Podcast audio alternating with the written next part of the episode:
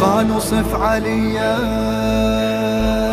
الكمي ابن الكمي. حرت بل أخرجت لكن أنطق العشق فمي. علي مولاي. صحت من دون شعور منشدا كالملهم. حيدر سيف النبي.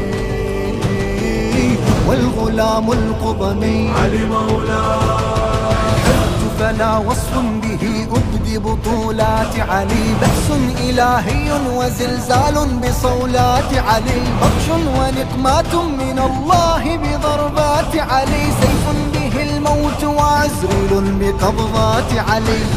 علي إن زمجر علي لا يقهر. صمصام أسود علي للمحشر. كرار عندما سار علي تاركا أم القرى. كافلا ركب الفواطم. دون خوف قد سرى علي مولاي. قالوا حرب طاردوه. صدهم ليث الشرى. حيدر أردى جناحا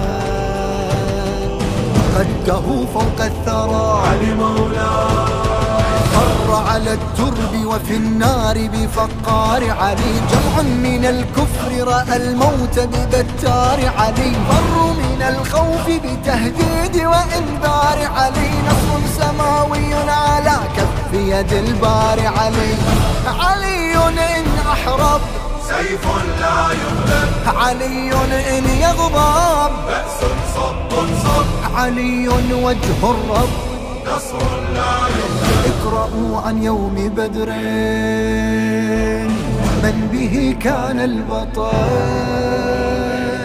من بكفيه حسام. بل أبناءه بل علي مولاي نصف قتلاهم بكفه مرتضى خير العمل. عمره عشرون عاما. رهن كفيه الأجل. علي احتارت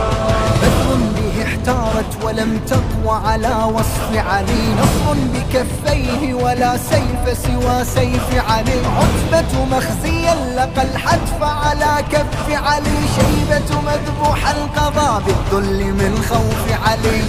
علي في الحرب كابوس الرعب علي في الخطب كشاف الكرب.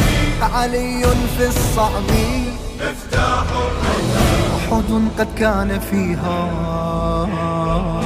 درع طه المرسلين. يا علي رد الكتيبة. ردها بالعجل. علي مولاي. كسر السيف وحيدر. صامد كالجبل.